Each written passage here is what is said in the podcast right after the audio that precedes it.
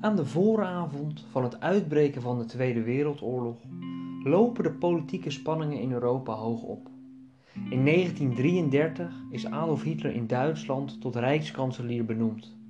De vernedering van het verdrag van Versailles, waarbij Duitsland veel grondgebied verliest en hoge herstelbetalingen moet doen, is hem een doorn in het oog.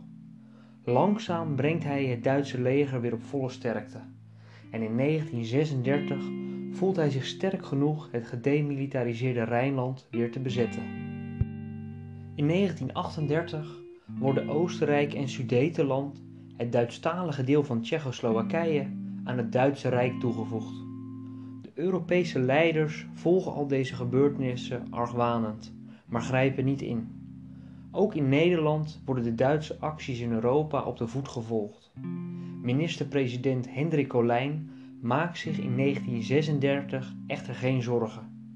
In een radiotoespraak geeft hij, onder andere naar aanleiding van de Duitse militaire bezetting van het Rijnland, het Nederlandse volk de volgende geruststellende woorden mee.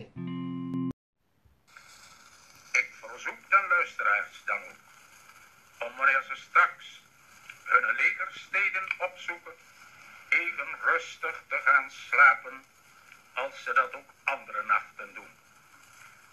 Voorshands nog geen enkele reden om werkelijk ongerust te zijn.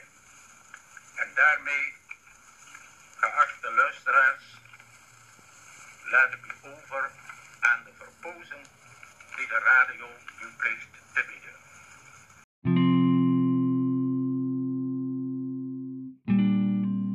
De spanningen lopen in 1939 verder op. De Fransen en Britten proberen door middel van een appeasementpolitiek de Duitse veroveringsdrang op diplomatieke wijze in toom te houden. Ze willen ten alle tijde een nieuwe wereldoorlog voorkomen. Hitler trekt zich er weinig van aan. In maart 1939 bezetten Duitse strijdkrachten het resterende deel van Tsjechië. De Fransen en Britten kijken vooralsnog leidzaam toe. In Noordwijk zijn al deze politieke ontwikkelingen niet onopgemerkt gebleven.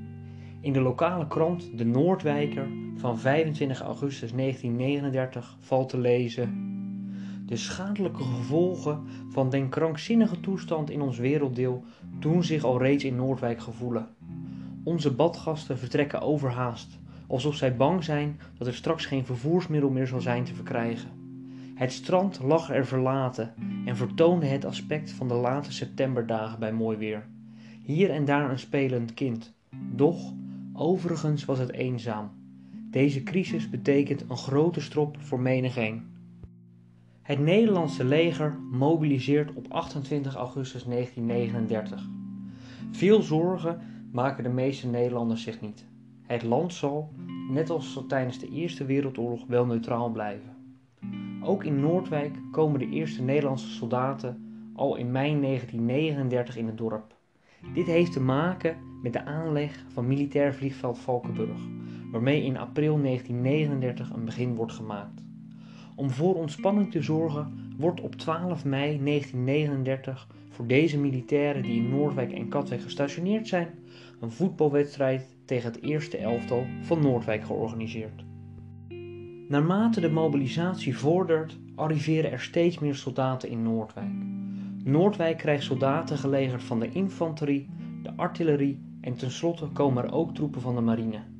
Zij zorgen voor de bewaking van de kust en installeren kustwachtposten in de vuurtoren om voorbijvarende buitenlandse vaartuigen in de gaten te kunnen houden. Het aantal in Noordwijk gelegerde militairen loopt op tot een totaal van 3000. Op een bevolking van ongeveer 12.000 inwoners betekent dit een behoorlijke extra aanwas. De soldaten hebben een slaapplek nodig en in Noordwijk worden over de periode september tot december 1939 vier schoolgebouwen gevorderd. Voor de lokale middenstand is dit een goede zaak dat er zoveel soldaten in het dorp aanwezig zijn.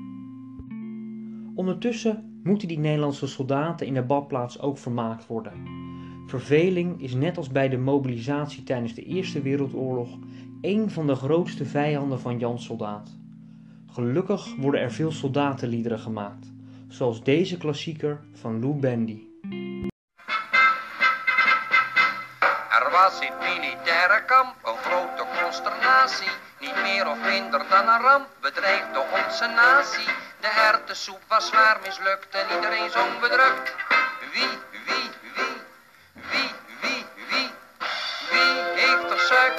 de erwtensoep gedaan? Wie heeft dat gedaan?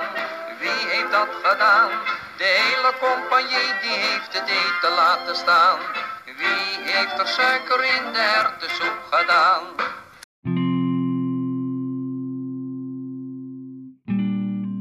Als de oorlog dan in september 1939 met de Duitse inval in Polen en de oorlogsverklaringen van Frankrijk en Engeland aan Duitsland daadwerkelijk een feit is, breken voor Noordwijk sombere tijden aan.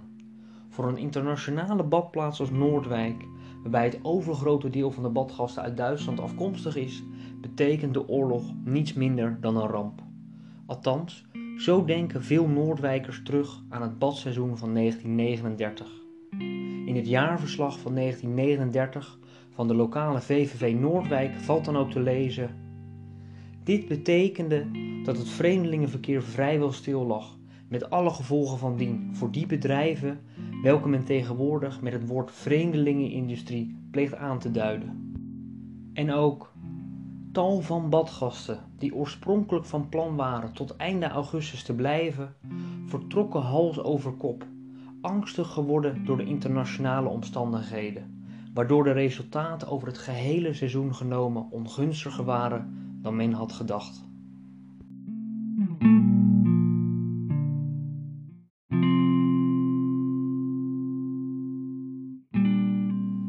Algemene Nederlandse Vereniging voor Vreemdelingenverkeer, de ANVV, is achteraf iets positiever over het uitbreken van de oorlog en de Nederlandse neutraliteit dan de Noordwijkse VVV. De landelijke vereniging gaat er namelijk van uit dat Nederland, net zoals tijdens de vorige oorlog, neutraal zal blijven. Het verre buitenland zou Nederland niet raken. Het is er tenslotte vredig en kleinschalig. Dat het toerisme in Nederland in 1939 inderdaad niet helemaal in het slop raakt, blijkt uit het jaarverslag van de ANVV van 1940. Het buitenlandse bezoek is weliswaar teruggelopen, maar daar staat tegenover dat ontelbare Nederlanders de voorkeur geven aan een veilige vakantie in eigen land. Een belangrijk gedeelte van de 40 miljoen gulden die de Nederlanders in 1937 en 1938 in het buitenland spenderen, wordt in 1939 in eigen land uitgegeven. De ANVV erkent natuurlijk dat de beperkingen die de Europese oorlog met zich meebrengt en de meer dan 300.000 Nederlandse jongens en mannen die onder de wapen zijn geroepen, voor het toerisme nadelig zijn. Toch ziet de vereniging het jaar 1940 met vertrouwen tegemoet. In het voorjaar worden er veel reserveringen gemaakt voor een verblijf in Nederland. Daarnaast begint men met een actie onder de slogan Vakantie in vredig vaderland.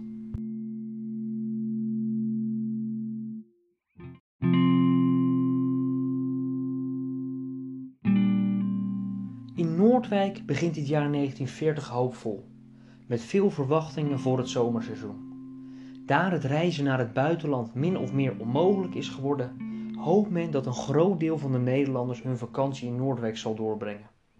Dat dit alles er positief uitziet, blijkt ook wel uit de aanvragen naar de prijzen van kamers, huizen en villa's, die vroeger op gang komt dan in andere jaren. Toch blijft het, ondanks de neutraliteit, oppassen in een kustplaats in oorlogstijd. Het feit dat er eind september 1939 een mijn aanspoelt voor de kust, vlakbij Hotel den Hollander, geeft aan dat de oorlog wel steeds dichterbij komt, of eigenlijk dicht bij huis is.